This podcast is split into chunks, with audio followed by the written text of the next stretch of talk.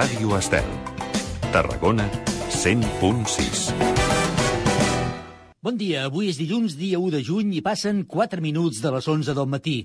Deia l'escriptor Mario Benedetti que de tant en tant cal fer una pausa, contemplar-se un mateix, examinar el passat i no plorar-se les mentides, sinó cantar-se les veritats. Que fàcil és quan ho veus escrit i que difícil arriba a ser verbalitzar paraules com aquestes. Benvinguts.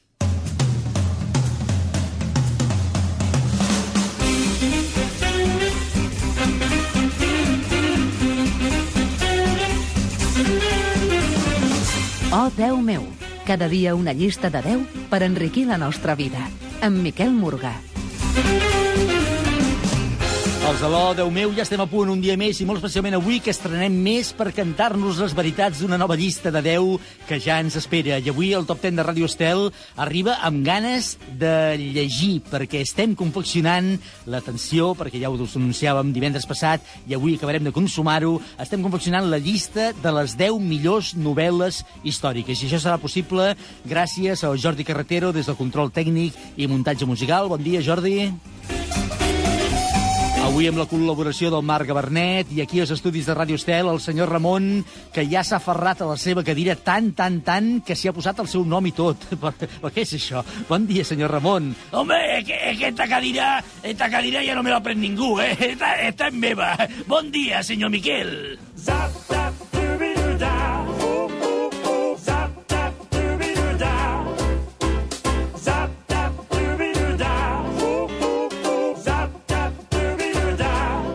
Estrenem tot, eh? Estrenem setmana, és dilluns, estrenem mes, és dia 1, i estrenem també, això sí que ho fem cada dia, noves ganes de compartir amb tots vosaltres una nova llista de 10. Anda, anda, anda que bé parla, senyor Miquel. Jo, jo, jo de vegades, de vegades me quedo així com, com escoltant-li tot el que diu i penso que, que vostè té molta làbia, eh? Escolti, eh, que, que, que a vegades també, també sueltan el rollo, també li dic, eh? Així con toda sinceridad, sueltan el rollo de muy padre, señor mío, eh? Pero, eh, pero lo, lo, lo bé que parla vostè, senyor Miquel, anda, anda que no, eh? Bé, escolti'm, eh, no em faci la pilota, que no, no, no li fa falta, no cal que em faci cap, mena de pilota, eh? Que dic que per què ja ha posat el seu nom aquesta cadira? Aquesta cadira no és, no és seva, és de, és de Radio Estel, que, escolti, ara aquí no ve gaire gent, perquè estem com estem, i amb tot això de la pandèmia, doncs no, no ve gaire gent aquí als estudis, però aquesta cadira és perquè seguin els convidats que venen a l'estudi, eh? Eh, home, és que a, a mi m'agrada molt, eh? I, i, aquest, i aquest, és, que, és que he encontrat que aquesta cadira, aquesta, és la més còmoda de totes i puja i baixa bé, saps? Que n'hi ha algunes que no puja i baixa, però aquesta puja i baixa bé, perquè aquesta per mi, anda. Així que he pensat jo que li poso el meu nom perquè ningú no me la prengui. Bé, és igual, és, escolti, és igual, no, no passa res, però que sàpiga que la cadira no és seva, eh? Això que quedi clar. Vale, vale, vale, vale, vale però, però posa el meu nom, eh? De moment posa el meu nom, eh? No serà meva, però por si de cas. Escolti, com, com li ha anat el cap de setmana, senyor Ramon?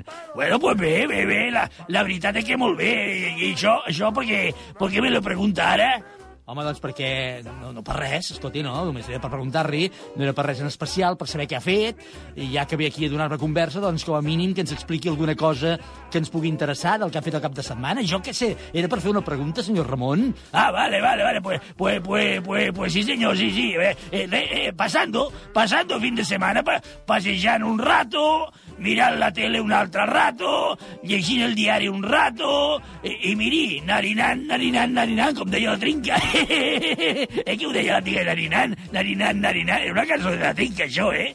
Sí, ja ho sé, ja ho sé que és una cançó de Trinca. Escolti, molt bé, perfecte. Ja ha arribat el mes de juny, i ara conti que en un parell o tres de setmanes ja tenim l'estiu aquí a tocar, eh? Pues sí, senyor, sí, senyor, és veritat. Tindrem que començar a buscar les coses del verano a l'armari, eh? Que encara no sé jo si este verano podrem fer coses molt normals de verano, ja m'entén, eh? Sí, home, sí, confí. Tingui confiança que sí que serà així. Ja veurà com una mica en mica tot es va semblant una mica a l'estiu de veritat. Ja veurà com sí. Vale, vale, vale, pues si vostè me lo diu, jo me lo crec, eh? La veritat és que jo el dissabte ja ja vaig estar passejant una mica per la platja, eh? Sí, sí, allí, allí anàvem un trosset amunt, un trosset avall... I què, com va anar? Va haver experiència, va ser... Hi havia molta gent a la platja, perquè es parla molt de que hi ha molta gent. Altres vegades veiem eh, reportatges a la tele que no hi ha ningú i diuen que hi ha molta gent. No entenc res. Hi havia... Vostè com ho va veure? Bueno, pues, pues sí, la, la veritat és que sí que hi havia gent, sí, però, però és veritat també que no era tan caòtico com de vegades diuen, eh? Tothom allí respectant el seu espai, con los seus quadradets marcats i tot. Jo, jo també, eh? Jo també vaig portar el palo aquell que vaig fer de dos metres, i, escolti, i vaig posar-lo així a terra atravessat perquè ningú s'hi acostés. dos metres per mi, ala, per mi solet. Molt bé, molt bé, home. Deu ser vostè un espectacle, eh? Deu, a més, deu, deu resultar una mica antipàtic anar amb un pal de dos metres pel carrer. Per cert, eh, després que vostè va explicar l'altre dia això del pal, això és veritat, eh? Vostè va explicar l'altre dia que s'havia fet un pal de dos metres per guardar la distància pel carrer. Doncs n'hi he vist a més d'un i a més de dos amb pals de dos metres pel carrer. Jo no sé si va ser fruit del que vostè va dir o no, però, escolti, hi ha gent que manté la distància cops de pal, eh? Ho veu, ho veu, és que, és que escolti, jo, jo marco tendència. Bé, escolti, és igual, eh? Eh? És una mica desagradable, trobo, anar marcant les distàncies a cops de pal, però és igual. Això que cadascú faci el que vulgui. Bueno, es que a vegades hi ha gent que no s'entera, eh, señor Miquel, y les tienen que andar allí con, con garrotazo, porque si no, si no, se recostan allí y, y te tocan y te abrazan y te fan cosas, ¿eh? En fi, escolti, bueno, tampoc no passa res perquè la gent et toqui i t'abraci. Bueno, no sé quines coses fan, però en fi, és igual. Està bé, cadascú faci el que vulgui, vostè sabrà. Per cert, avui farem la llista de les 10 millors novel·les històriques. Eh, li agrada a vostè llegir novel·les històriques? Bueno, ¿y, y- y esto, ¿y esto qué es? Home, doncs això, què vol dir, és el que és?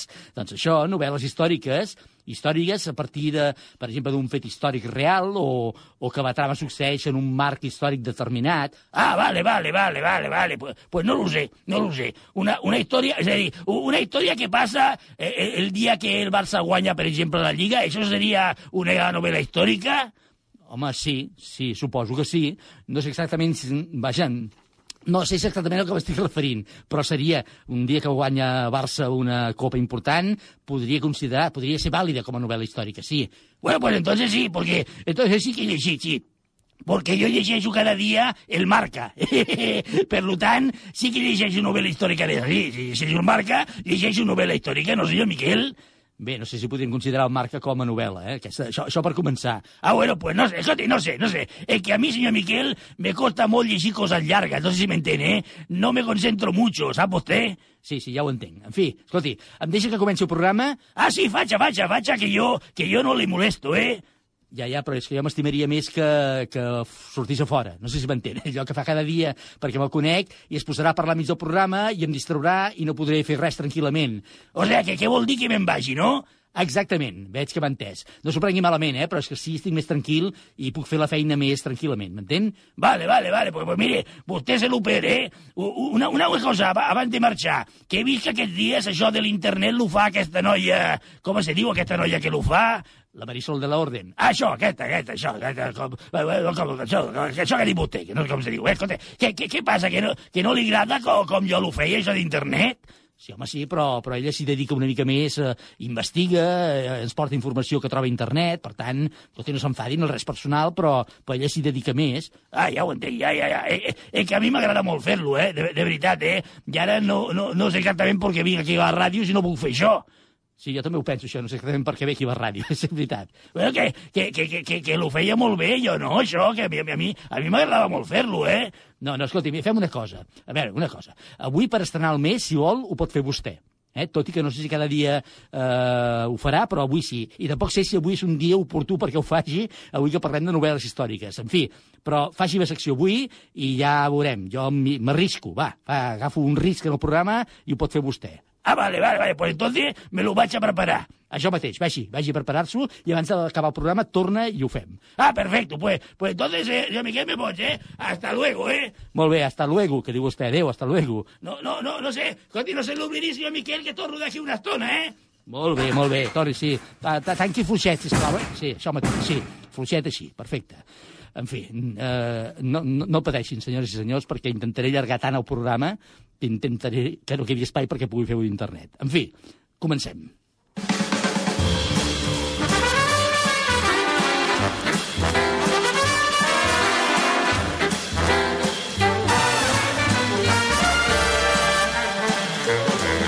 Doncs el que us deia, avui la Déu meu buscarem les 10 millors novel·les històriques, o si més no, les 10 novel·les històriques que més us han apassionat quan les heu llegit.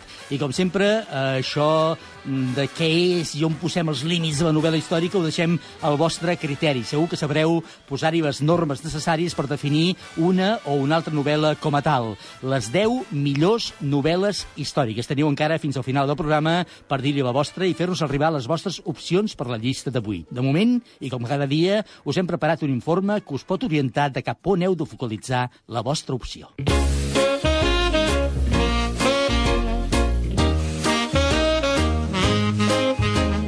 El món de la literatura ens dona mil i una opcions de lectura. Sobretot ara que estem en temps de confinament i les hores per dedicar a l'oci i a la cultura són moltes, les hem d'ocupar de la millor forma possible. I en les moltes possibilitats que ens dona la lectura, hi trobem l'opció de dedicar algunes hores a les novel·les històriques. Però sabem exactament a què ens referim quan parlem de novel·les històriques? Els fets al qual es refereixi han de ser estrictes i fidels a la realitat? O aquí s'accepten noves idees, arguments, històries que l'autor o l'autora hagi volgut introduir en l'argument principal? Potser, doncs, el primer que hauríem de fer és definir què entenem quan parlem de novel·la històrica. La novel·la històrica és un subgènere narratiu que es va configurar en el romanticisme del segle XIX i que ha continuat desenvolupant-se amb èxit en els segles XX i XXI. Utilitzant un argument de ficció, com qualsevol novel·la, té la característica que aquest se situa en un moment històric concret i els esdeveniments històrics reals solen tenir certa rellevància en el desenvolupament de l'argument. La presència de dades històriques en la narració pot tenir més o menys profunditat. També és habitual que aquest tipus de novel·les tinguin com a protagonista un personatge secundari real o fictici més que un històric real a través del qual es desenvolupa la ficció. Amb aquestes premisses que, com veieu, donen màniga ampla als autors d'aquest tipus de novel·les, la veritat és que ens podem trobar de tot i en totes les seves varietats. Però el que és segur és que serà una bona forma d'arribar a conèixer una part de la història, a través de personatges reals i ficticis que acabaran convivint en uns mateixos escenaris històrics i amb aventures conjuntes o paral·leles que ens haurien d'atrapar en la lectura. Són molts els autors actuals i també en català que estan tenint un gran èxit a les seves novel·les de tall històric. I, de fet, les vendes dels últims Sant Jordis han vingut a marcar una repuntada a partir de novel·les d'aquests autors. Rafael Nadal, Martí Gironell, Enric Calpena o Maria Carme Roca en serien una bona mostra al costat de les més recents proposades com ara les del cantant Gerard Quintana o la periodista Laura Mas, que acaba de publicar la seva primera novel·la i que, per cert, serà avui la convidada del programa.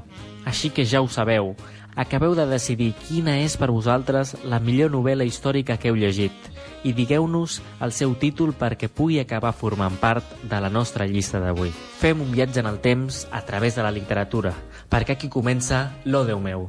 Oh, Déu meu, de dilluns a divendres d'11 a 12 del matí a Ràdio Estel.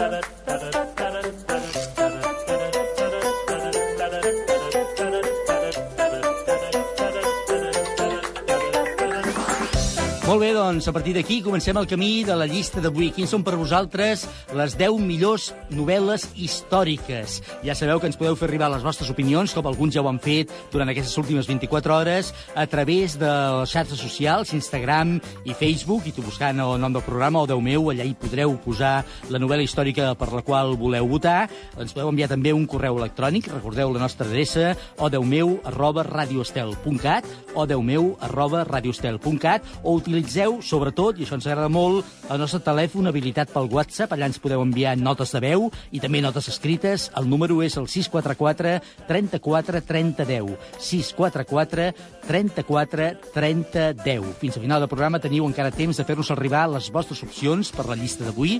Recordeu la de les 10 novel·les històriques millors, aquelles que més us han apassionat. I recordeu també que entre tots els que hi participeu sortejarem al final del programa un lot de vins Lovers Wine Elegance. M'agrada saber cada dia que em tens, que et tinc, que ens tenim.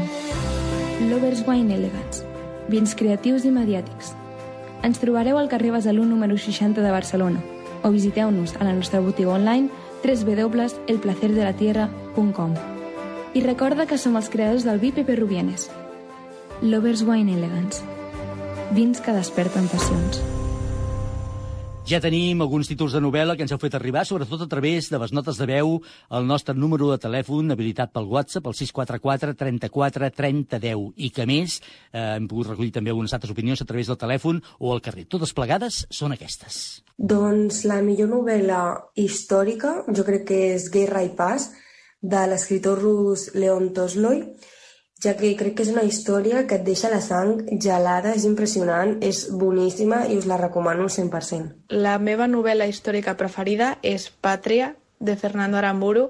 Pensava que no m'agradaria tant, però que va, m'han encantat els personatges i tenen un tipus d'humor sarcàstic que a mi, personalment, m'encanta. La meva novel·la històrica preferida és El hereje de Miguel Delibes.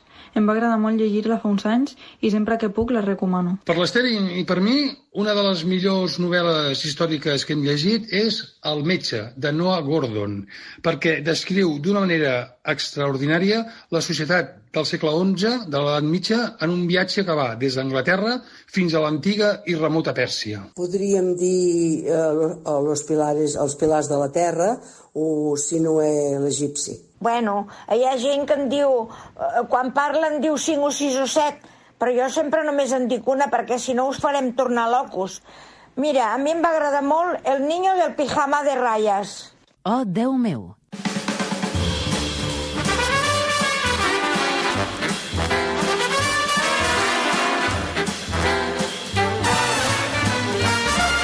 Les 10 millors novel·les històriques, ja tenim alguns noms, els primers que ens heu fet arribar a través d'aquestes notes de veu del WhatsApp. Són les que busquem per la nostra llista de 10 d'avui. Ja sabeu que cada dia intentem relacionar una cançó amb la llista que busquem, i avui ens ha semblat que era una història fantàstica i una cançó impagable, la que forma part de l'òpera rock Jesucrist Superstar i que constitueix una de les peces principals de l'espectacle. I don't know how to love him.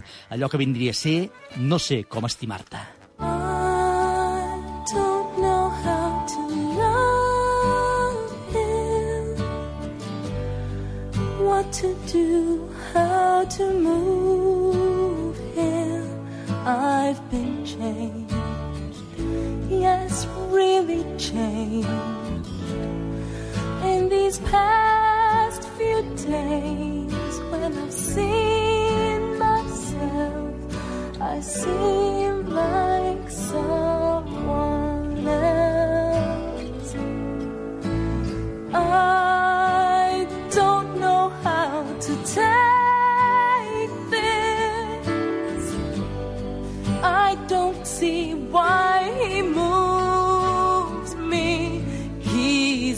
man. He's just a man. And I've had so many men before in very many ways. He's just one more. Should I bring him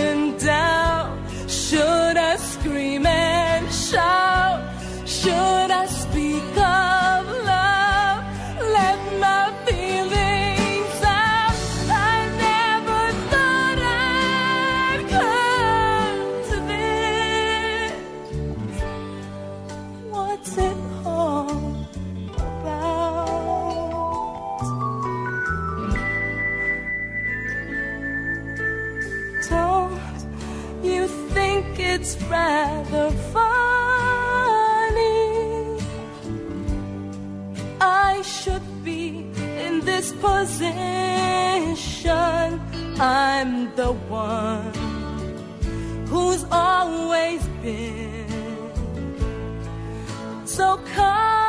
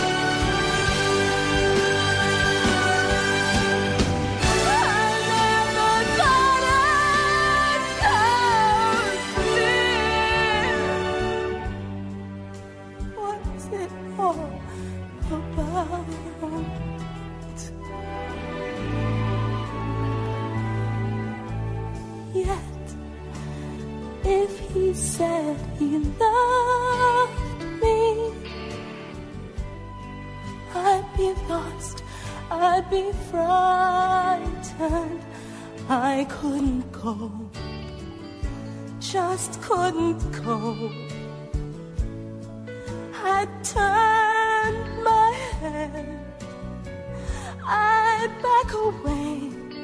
I wouldn't want to know. He scares me so.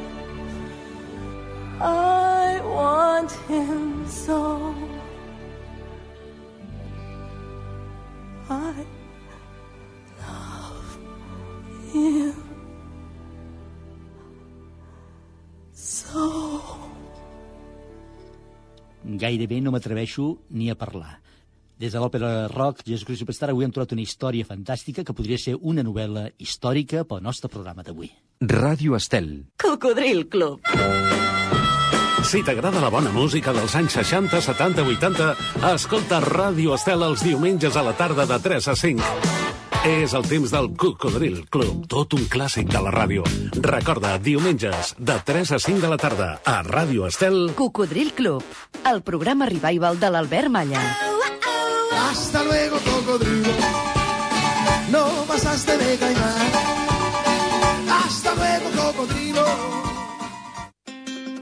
Vols fer una comanda a Laboratoris Maen? Doncs apunta el nostre número de telèfon. 669 56 17 68. 669 56 17 68. Els nostres operadors estan aquí per atendre't. Agafaran la teva trucada, tramitaran la comanda i resoldran qualsevol dubte que tinguis. Recorda, si has escoltat l'espai Salut Natural per tothom i t'has quedat amb cap producte natural que t'interessa, només ens has de trucar. 669 56 17 68. Els productes naturals Maen al teu abast. 669 56 17 68.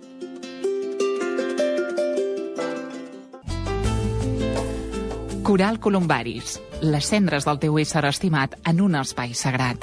T'oferim el lloguer d'un columbari per una urna per només 19 amb 30 euros al mes o 193 euros anuals. A Coral disposem de columbaris a catedrals i parròquies de Catalunya. La millor elecció per mantenir el record. Més informació al 900 535 911 o a coralmemorial.com.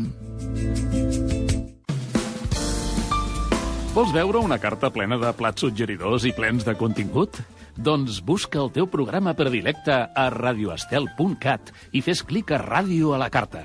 Escolta'l quan més et vingui de gust.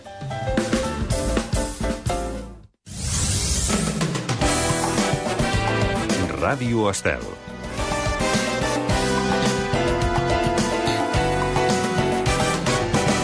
Oh, Déu meu, amb Miquel Morgà.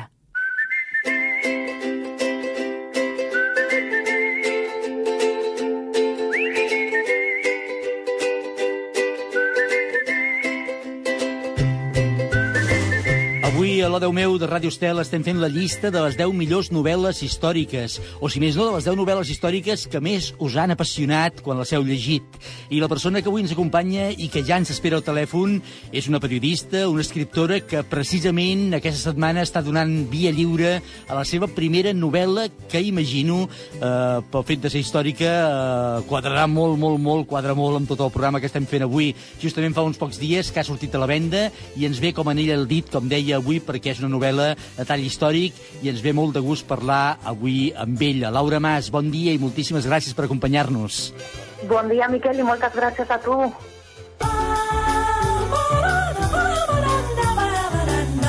Laura Mas és llicenciada en periodisme, ha col·laborat en diferents emissores de ràdio, entre les quals aquesta mateixa, Ràdio Estel, i ha escrit per mitjans com a Vanity Fair o Cultura Mas. A més d'això, ha dirigit una agència de comunicació i ha moderat nombroses taules rodones, gairebé sempre de l'àmbit literari. Actualment és gestora cultural i col·labora en les revistes literàries Clarín i leer. Com els deia, aquests dies està presentant la seva primera novel·la, La maestra de Sócrates, ambientada l'any 440 abans de Crist, època en la qual les dones dones havien, diuen, de renunciar a tot.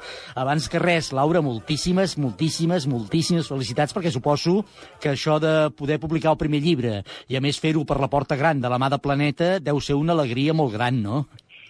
Sí, em sento com si m'hagués tocat la loteria, perquè és veritat que com a autora novell era complicadíssim que em passés això, per tant només puc manifestar el meu profund agraïment cap a l'editorial, cap a la meva gent literària que va fer la primera aposta pel llibre, i estic encantada. Escolta, tu ets una lectora de llibres gairebé, eh, permetem que ho digui així, gairebé malaltissa, eh? Això ja ho sabíem. També sabíem que escriu sovint per publicacions, com jo deia abans, però això d'embarcar-se, escriure una novel·la i detall històric eh, és, és molt més complicat. Quina bogeria, no? Sí, sí, va ser tot un repte perquè que vagi per davant que jo no sóc historiadora, sóc periodista de formació, sí que és cert que sempre m'ha interessat molt la cultura clàssica, especialment aquesta Atenes de Pericles, que està vivint un moment molt àlgid a, a tots els nivells, a nivell econòmic, a nivell filosòfic, perquè estava començant a sorgir la filosofia occidental. Llavors, eh, va suposar tot un repte pel fet de que Uh, prèviament a l'escriptura de la novel·la vaig haver d'enfrontar-me a moltíssima, moltíssima documentació. Es vaig llegir tota mena d'assaigs, biografies, eh, llibres perdó, que també relaten la vida quotidiana de, dels ciutadans d'Atenes. En fi, tota una aventura, Miquel. De seguida entrarem a parlar de les particularitats d'aquesta mestra de Sòcrates, però parlem del marc en el qual veu la llum, perquè tot això havia de tenir Sant Jordi com a escenari, i la pandèmia ho ha trasbalsat tot, s'ha trasbalsat tots els plans de tothom, també els teus, eh? Mm -hmm. Correcte, sí. Aquesta ha estat una de les obres afectades per, per, per la pandèmia. Uh, inicialment estava prevista la seva data de publicació pel dia 7 d'abril, clar, ens va agafar tots confinats, per tant es va decidir, òbviament, que no veiés la llum, i vam tenir moments de moltíssima incertesa. Jo, de fet, eh, em vaig sorprendre quan em van dir que ja es publicava ara, aquesta mateixa setmana sortit, dimarts, el dia 26 de maig. Mm -hmm. uh, però, però mira, estic molt contenta perquè, perquè comencem a veure la llum, estem, estem tenint ja un principi de vida relativament normal, jo surto al carrer i ja em genera molta emoció i alegria veure les llibreries obertes, als, espais, no? veure que la gent doncs, torna a somriure. Mm -hmm. Escolta, potser són sensacions meves, eh? però eh, no et sembla com si des de fa uns anys hi hagués com un boom de la novel·la històrica? No sé si tu també tens aquesta percepció o només ho veig jo, això. No, no, és cert, és cert. Des de fa uns anys, eh, autors com Santiago Posteguillo, que és una de les grans plomes de novel·la històrica, Javier Sierra també, que són guanyadors els dos de Premis Planeta, doncs han tingut molt de pes, han, han fet també que augmenti aquest interès pel, pel gènere històric. Eh, I bé, això mm, és, és una cosa que jo aplaudeixo. Clar, a mi m'encanta la història i és fantàstic que, que el públic de novel·la històrica sigui tan, tan gran, no? Mm -hmm. També t'he de dir, de tota manera, que no és una novel·la històrica convencional perquè sobretot em centro molt en el relat, en les trobades entre aquests dos personatges que potser després... Ara en parlarem, sí, sí, sí, clar. Molt bé, escolta, esclar, és una primera novel·la, eh, però no estem parlant d'una, com tu molt bé dius, eh, no és una novel·la a l'ús ni de butxaca, estem parlant d'una novel·la, eh, per començar, històrica, per moltes, per, amb totes aquestes particularitats que ara, que ara ens explicaràs. Eh, això ja intueixo, com tu deies abans, que eh, requereix tota una feinada de documentació impressionant. Després que és un llibre de 200 i moltes pàgines, gairebé 300. Uns personatges intueixo que apassionants, amb tota la filosofia clàssica grega pel mig. Quina feinada, això, eh? Quant de temps t'ha portat aquest llibre? Doncs mira, uh, realment, aviam, tot el procés potser va, eh, va ser un any en total, però no és gaire si ho comparem amb altra gent que jo escolto que porta 3-4 anys escrivint un llibre. Uh -huh. uh, hi ha de tot, i crec que la qualitat literària tampoc s'ha de mesurar pel temps que et porta fer un llibre.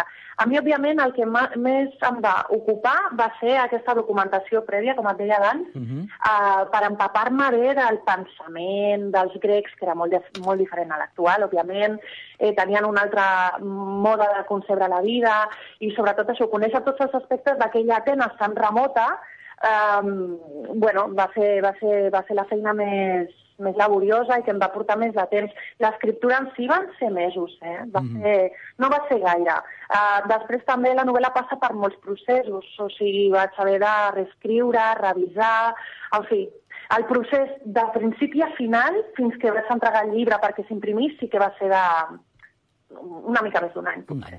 Escolta, parlem doncs del llibre. A veure, Sòcrates, eh, qui més qui menys, alguna cosa en sap, eh? Un dels pilars de la filosofia clàssica grega i diuen els qui en saben un dels màxims responsables de la transformació d'aquesta filosofia. Però qui és, qui era la mestra de Sòcrates?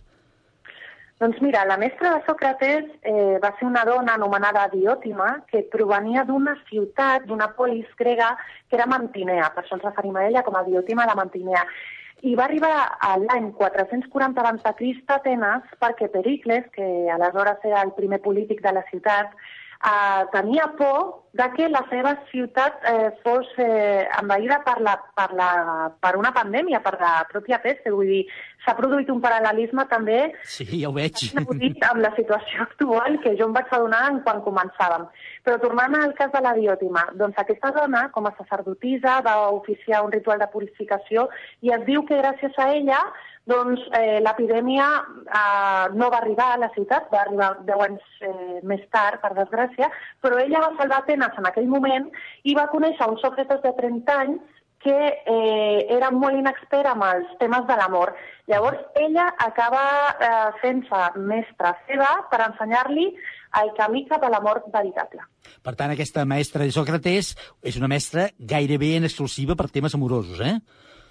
Sí, sí, jo la defineixo com a la gran filòsofa de l'amor. També hem d'entendre eh, que l'amor eh, a nivell filosòfic, en termes filosòfics, eh, no, no, ho hem de, no hem de confondre-ho amb uh, la primera imatge que ens pot venir al cap de l'amor més popular, no? Mhm. Uh, la diòtima precisament defensa un amor que va més enllà de la passió purament física per altres cossos. Ella defensa doncs, veure la bellesa en l'ànima de les persones i això és el veritable amor.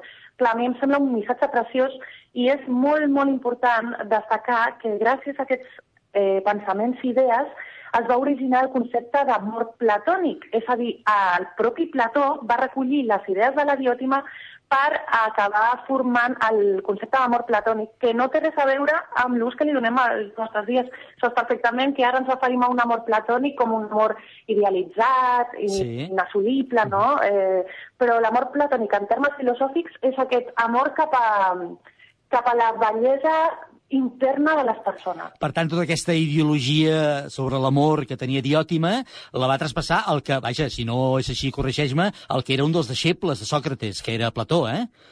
Efectivament, sí, sí. Primer li va traspassar a, a Sòcrates, a la diòtima, amb les seves trobades, que van tenir el 440 abans de Crist, i posteriorment Sòcrates eh, ho va transmetre als Clar. deixebles, entre els quals estava Plató. És molt interessant que treguis aquest tema perquè Plató, a la seva cèlebre obra El banquet, tots coneixem el banquet de Plató, doncs en un moment donat eh, treu a la llum a aquesta diòtima i, i el propi Sòcrates eh, diu a l'obra de Plató que tot el que sap de l'amor ho va aprendre gràcies a ella. Interessantíssim. Escolta, i el que hi ha de realitat en la novel·la i el que és ficció proposada per l'autora, en aquest cas tu, és important que ho sapiguem o, o, o podem llegir la novel·la prescindint d'aquests detalls? Que jo no sé quin grau hi ha de realitat i de ficció en la novel·la, eh? però seria important que ho sapigués la, el lector o millor que es posi a llegir sense tenir consciència d'això? Jo crec que no és rellevant, perquè al cap i a la fi que una de les parts fortes de, del llibre són aquestes lliçons que mica en mica ella va, va desvetllant uh, arrel de, de les trobades que té amb Sòcrates. Però, aviam, és una novel·la totalment fictícia, perquè jo tampoc tenia dades sobre la diòtima, apareix, com, com he dit abans, al banquet de Plató, però no, no existeixen dades biogràfiques sobre ella. Hi ha qui dubta fins i tot de la seva existència. Tot i que per aparèixer una obra de Plató, donat que tots els seus personatges eren reals, doncs jo penso que ella també ho devia ser, no? Però el cas és que, clar, vaig haver d'inventar la seva manera de ser, d'actuar, eh, totes les situacions que es produeixen són fictícies. Això sí, apareixen personatges reals com Pericles, el propi Sòcrates o Aspàcia de Mileto, que va ser la companya de Pericles. Escolta, a veure, aviam, ens està situant en, una, en un escenari en el qual teniu un Sòcrates de 30 anys, una dona que era una experimentada amb tota la ideologia sobre l'amor. Eh, eh, això, si ara passés, perdona, eh, ara, faré una, ara diré una frivolitat, si ara passés, això sortiria al Sálvame. Aquí es veu un rotllo entre ells dos, s'intueix rotllo, eh, o no? Aviam, eh, sí que et puc avançar sense voler, sense Sí. fer gaire spoiler, que ells comencen a tenir una relació estreta i, de fet, s'hauran d'enfrontar a l'oposició de la societat, perquè pensa que aquella època era inconcebible que una dona estigués a soles amb Clar. un home. Uh, les, les dones d'Atenes estaven apartades de l'àmbit públic, pràcticament feien vida a casa seva, no tenien drets, era horrible per les dones a aquella època, sincerament. Eh, llavors, clar, el contrast d'aquesta dona tan forta que és capaç de- d'expressar tot el seu pensament, doncs a mi em va cridar l'atenció des del primer moment. Eh, però sí, potser a dia d'avui donaria una mica de sàlvame. Però sí, eh, jo crec que els lectors que, que vagin endinsant-se en en la novel·la veuran que és un tipus de trobada i d'amor molt diferent i molt més profund. Està molt bé. Diuen que els diners i l'amor, bé, no diuen els diners i l'amor, diuen els diners i el sexe. Jo aquí ho, ho extrapolo més a l'amor. Diuen que mouen el món. Uh, jo crec que això és una anàlisi molt simple, eh? però, en fi, creiem-nos que aquesta afirmació uh, té alguna cosa de certa. Això voldria dir que a través d'aquesta relació entre la Diòtima i Sòcrates, ella va poder influenciar també el filòsof en la vida política d'Atenes? Sí, sí, sí, sí. Jo penso que sí. Al final, com bé dius, eh, l'amor és un concepte universal que abarca gairebé totes les coses i àmbits de la nostra vida. És a dir, eh, si a tu et va bé a l'amor, per exemple, segur que desenvolupes millor la teva feina, segur que vas amb més alegria, a, a, comences un altre dia amb més alegria, no? Eh, tot ens condiciona. L'amor és una part que crec que és fonamental a les nostres vides, eh, i saber estimar bé i que t'estimin bé doncs, eh, és un regal que ens, que ens poden donar. I, I per desgràcia hi ha gent que no ho té i la gent que ho té doncs, que ho mantingui perquè és un gran tresor. Escolta, tu has dit abans, i jo uh, ho defenso, eh? no, mirem de no fer cap spoiler eh, literari, en aquest cas, que la gent vagi descobrint aquesta història, però digue'm una cosa, acaba bé? Sí, jo crec que sí que acaba bé. Crec que sí. També eh, té un final, va, m'atreveixo a avançar, que té un final que, que dona peu a que cada lector i lectora faci també la seva interpretació. Però, però sota el meu punt de vista, acaba, acaba bé. Acaba bé. Molt bé, avui tot parlant amb Laura Mas, l'autora de La maestra de Sòcrates, una novel·la que arriba per impressionar-nos i una autora que ve per quedar-s'hi.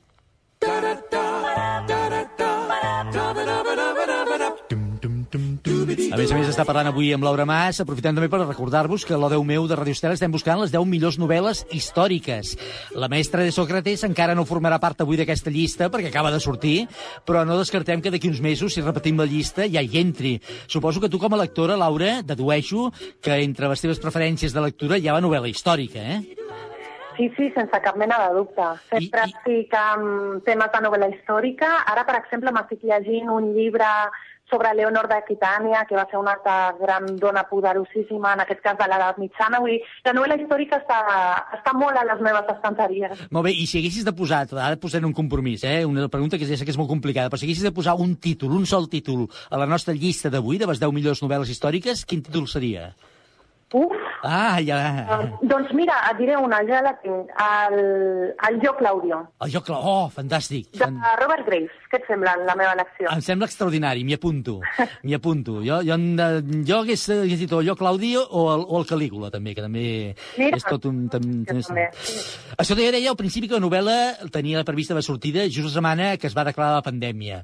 Això, en aquell moment, eh, devia ser una galleda d'aigua freda. Eh?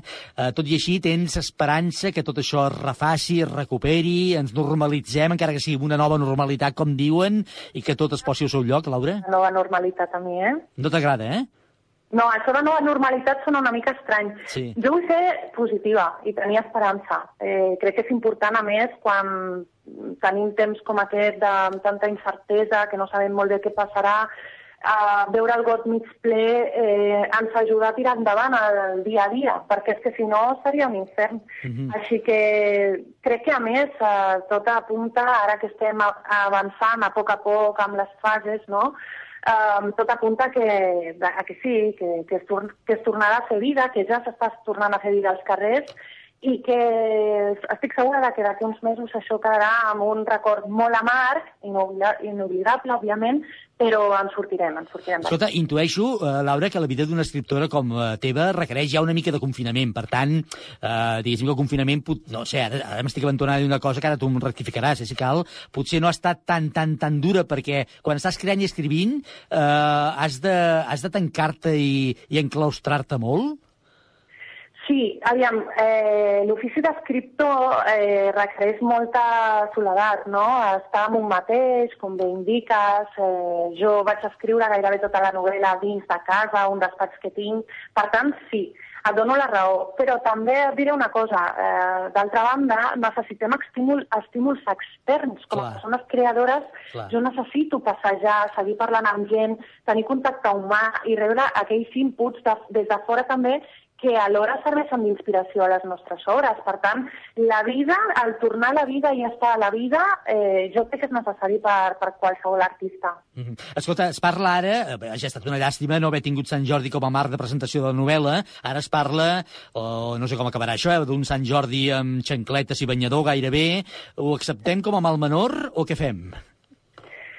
Sí, jo crec que mm, al cap i a la fi és una bona notícia que es pugui celebrar aquesta diada tan important a Catalunya, no? I tots li tenim molt d'afecte al dia, en comptes de l'abril serà el juliol, serà molt diferent, està claríssim. A més, em consta que les trobades entre lectors i autors mm, serà una mica més complicada, però mm, jo ho celebro. Celebro que, que tingui un espai finalment i si es fa una bona gestió de, de tot, pot ser un dia molt maco i molt feliç.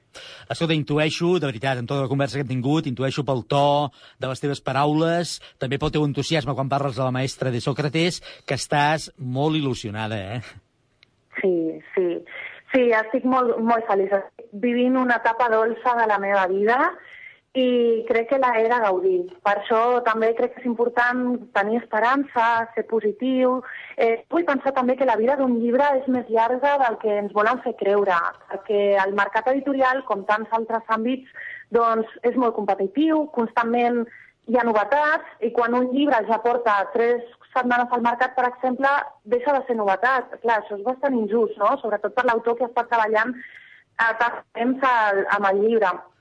Per tant, jo posaré tot el que estigui de la meva part per, per allargar la vida el màxim possible a aquesta novel·la. Fa molt pocs dies que està al carrer la novel·la, però ja es deus haver tingut alguns, alguns inputs, algunes, algunes referències, algunes eh, opinions, algunes persones que et deuen haver dit alguna cosa. Respira bé, això? Meravellós. Sí? sí, sí, és meravellós i jo estic que no m'ho crec, perquè m'he trobat amb moltíssima gent que eh, mitjançant les xarxes socials, que jo crec que si ja era en una fonamental en les nostres vides, ara més que mai, amb el confinament, eh, s'han convertit en un recurs mm, fabulós, no? I com a escriptor et diré que, que són eines molt potents de cara a promocionar llibres, ara que doncs, les promocions mm, doncs, no poden ser encara físiques i són molt diferents.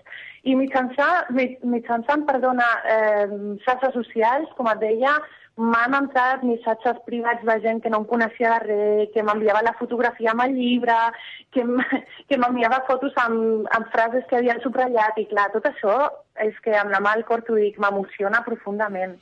Laura Mas, una vegada més, felicitats per la novel·la, La maestra de Sócrates, una novel·la que està calenteta, calenteta encara, aneu a les llibreries que la trobareu allà, que sigui el principi de moltes coses bones que et passin i que et vagi tan bé, tan bé, tan bé, que sigui només l'inici d'altres títols dels quals espero parlar-ne amb tu, amb tu en el futur, eh, a través de la ràdio, a través del que sigui, o tot fent un cafè. Molta sort i una abraçada. Desitjo que sigui així. Adéu, Miquel, merci. Oh, Déu meu, cada dia una llista de 10 per enriquir la nostra vida.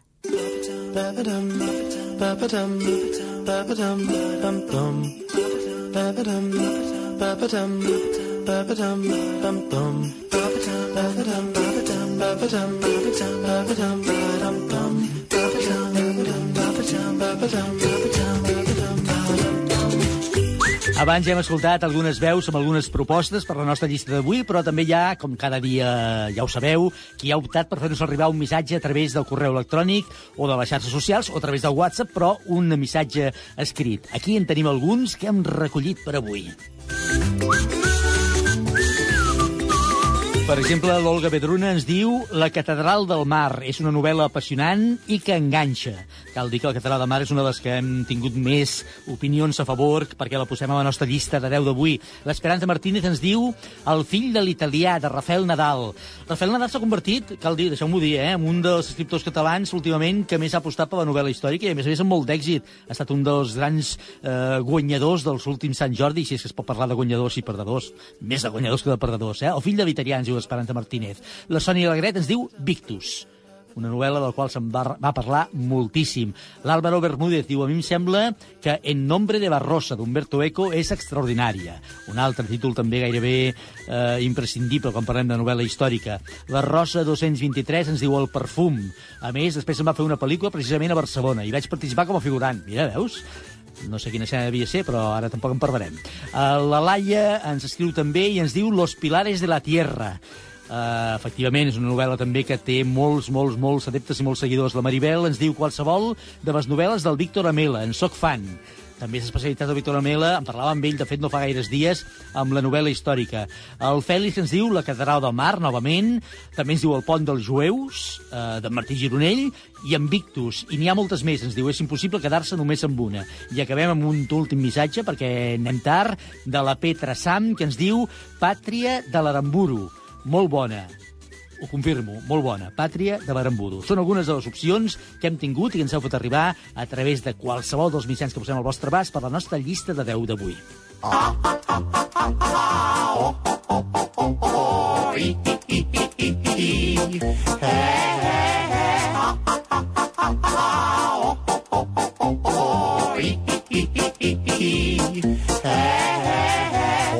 Segurament, gairebé segur, eh, que a internet hi ha moltes coses, però n'hi deu haver tantes que em sembla que no tindrem temps de, de dir-les totes perquè eh, anem molt tard. I el senyor... Ah, espera, que ja arriba. Momento, que ja t'hi vine, ja t'hi vine, senyor Miquel, un moment.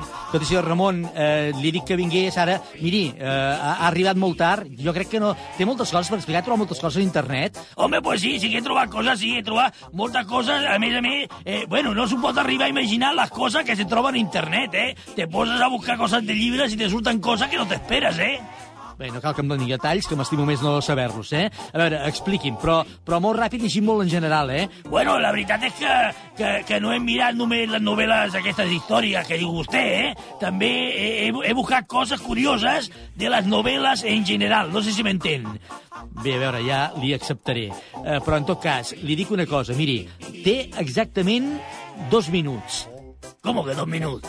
I sí, som, té dos minuts perquè ens expliqui el que hagi trobat internet. Eh, però si jo, si mi- miri tot el que porto aquí, si aquí menys tinc, tinc per fer tres programes sencers jo sol. Escolti, doncs, tot això ho ha de resumir en dos minuts. I si ho va allargant, ho va allargant i ho va allargant, encara serà menys. Encara li diré que... En ara mateix en té un i mig. Miri, n'ha passat mig. Bueno, bueno, pues, pues, pues no sé, no sé exactament què li diré. Mire, està buscant coses curioses que hi ha a internet i quan parlen de les novel·les. Per exemple, vostè sabia que la novel·la més llarga de la història eh, se titula... Espere, que, que és un nom estranger i esto aquí. Se titula In the Realms of the Unreal... In the Realms... Bueno, això, que in, in the Realms of the Unreal. Està molt bé. I em pot dir alguna cosa més que tingueu una mica més d'informació, perquè ha dit així, la veritat és que molta cosa no ens aporta, eh? Bueno, aquesta novel·la és la més llarga de la història i va ser il·lustrada per un artista que, escolti, veu que era mo, mo, molt bo i molt, molt raro, que deia Henry Darger. No sé qui és, escolti, jo no sé qui és aquest home, però, però la novel·la veu que la, la, va, va, va, va trigar, senyor Miquel, escolti bé, eh? Va trigar set anys en completar eh, totes les seves pàgines. Sap, sap quantes pàgines té la novel·la?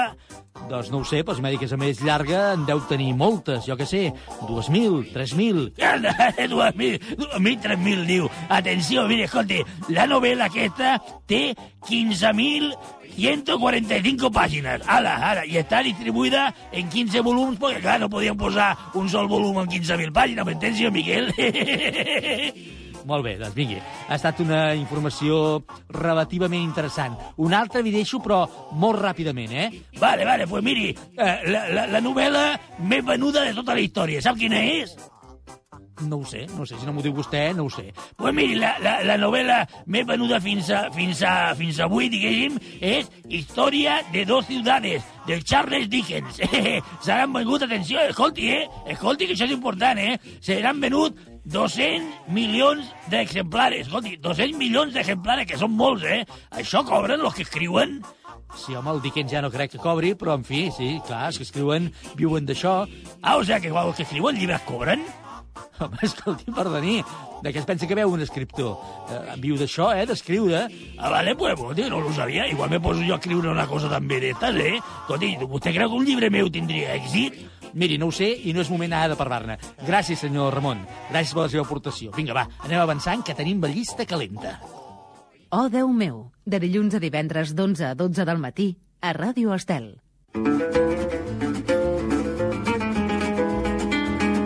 Ens ha costat molt posar només 10 títols en aquesta llista d'avui, com ens costa cada dia. Sabeu que sempre en queden molts a fora i que entre tots els que heu participat i heu opinat, d'aquí un parell o tres minuts, sortejarem aquest lot de vins Lovers Wine Elegance. Algú de vosaltres se l'emportarà avui amb el vi Pepe Rubianes. La llista ja és a punt. Ha costat, però la tenim. És aquesta. Cada dia una llista de 10 a Ràdio Estel. Número 1. El mestre d'obres Prim Llombard rep encàrrec del comte de Besalú de construir un pont fortificat. A partir d'aquest principi és el qual Martí Gironell construeix la trama d'una de les seves novel·les més exitoses, El pont dels jueus. Número 2. Ens situem a l'estiu de 1909.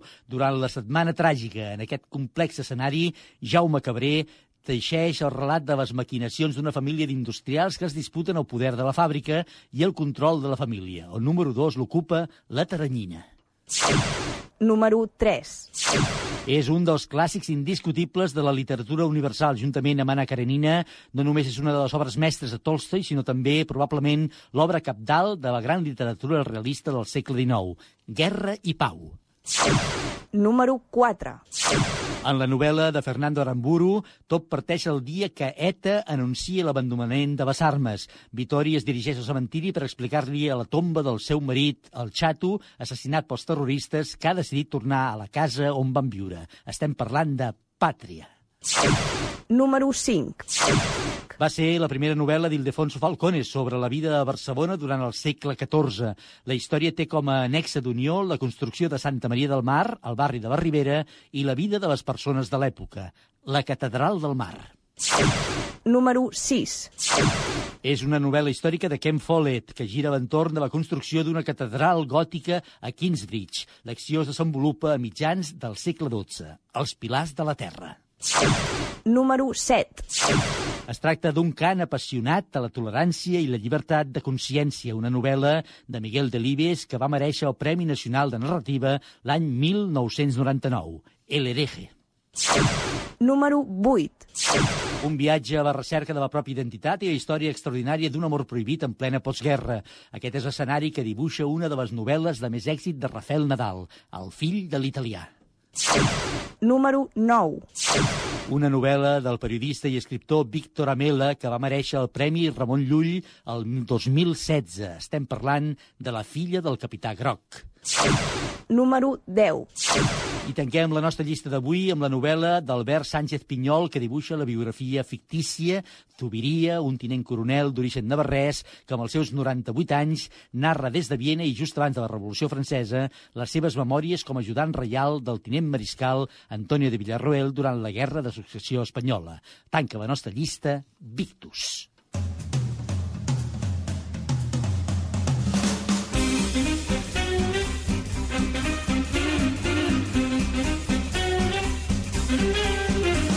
Doncs ja la tenim, ja la tenim aquí, ja tenim una nova llista, la de les 10 millors novel·les històriques. Moltes gràcies a tots per participar-hi i ajudar-nos a fer l'O Déu meu d'avui. Ja sabeu que entre tots hem de sortejar aquest lot de vins Lovers Wine Elegance i avui l'enviem cap a l'Àlvaro Bermúdez, que ens ha escrit tot dient, a mi em sembla que En nombre de Barrosa, d'Humberto Eco, és extraordinària. Doncs mira, no ha acabat formant part de la llista de 10, però tu t'emportes aquest lot de vins Lovers Wine Elegance.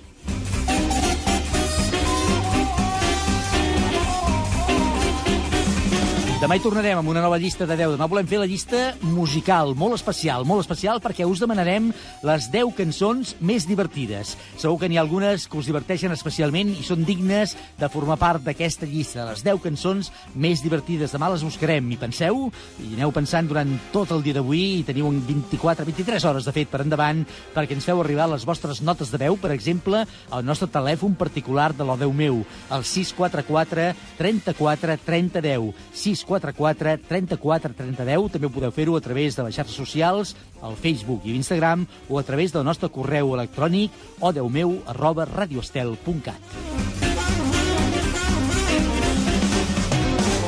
Gràcies a tothom per participar un dia més al programa i avui ha estat possible gràcies al Jordi Carretero, des del control tècnic i muntatge musical, avui amb la col·laboració del Marc Gabernet i aquí el senyor Ramon compartint taula i estudi. Se n'ha anat enfadadíssim perquè havia deixat poca estona per fer-ho d'internet. Un altre dia. En fi, ja està. Senyores i senyors, demà dimarts hi tornarem a partir de les 11 i pocs minutets. Recordeu, demà cançons divertides. Fins aleshores, que tingueu un molt bon dia i, sobretot, molta, molta, molta paciència. Adéu-siau. Oh, Déu meu, amb Miquel Morgà.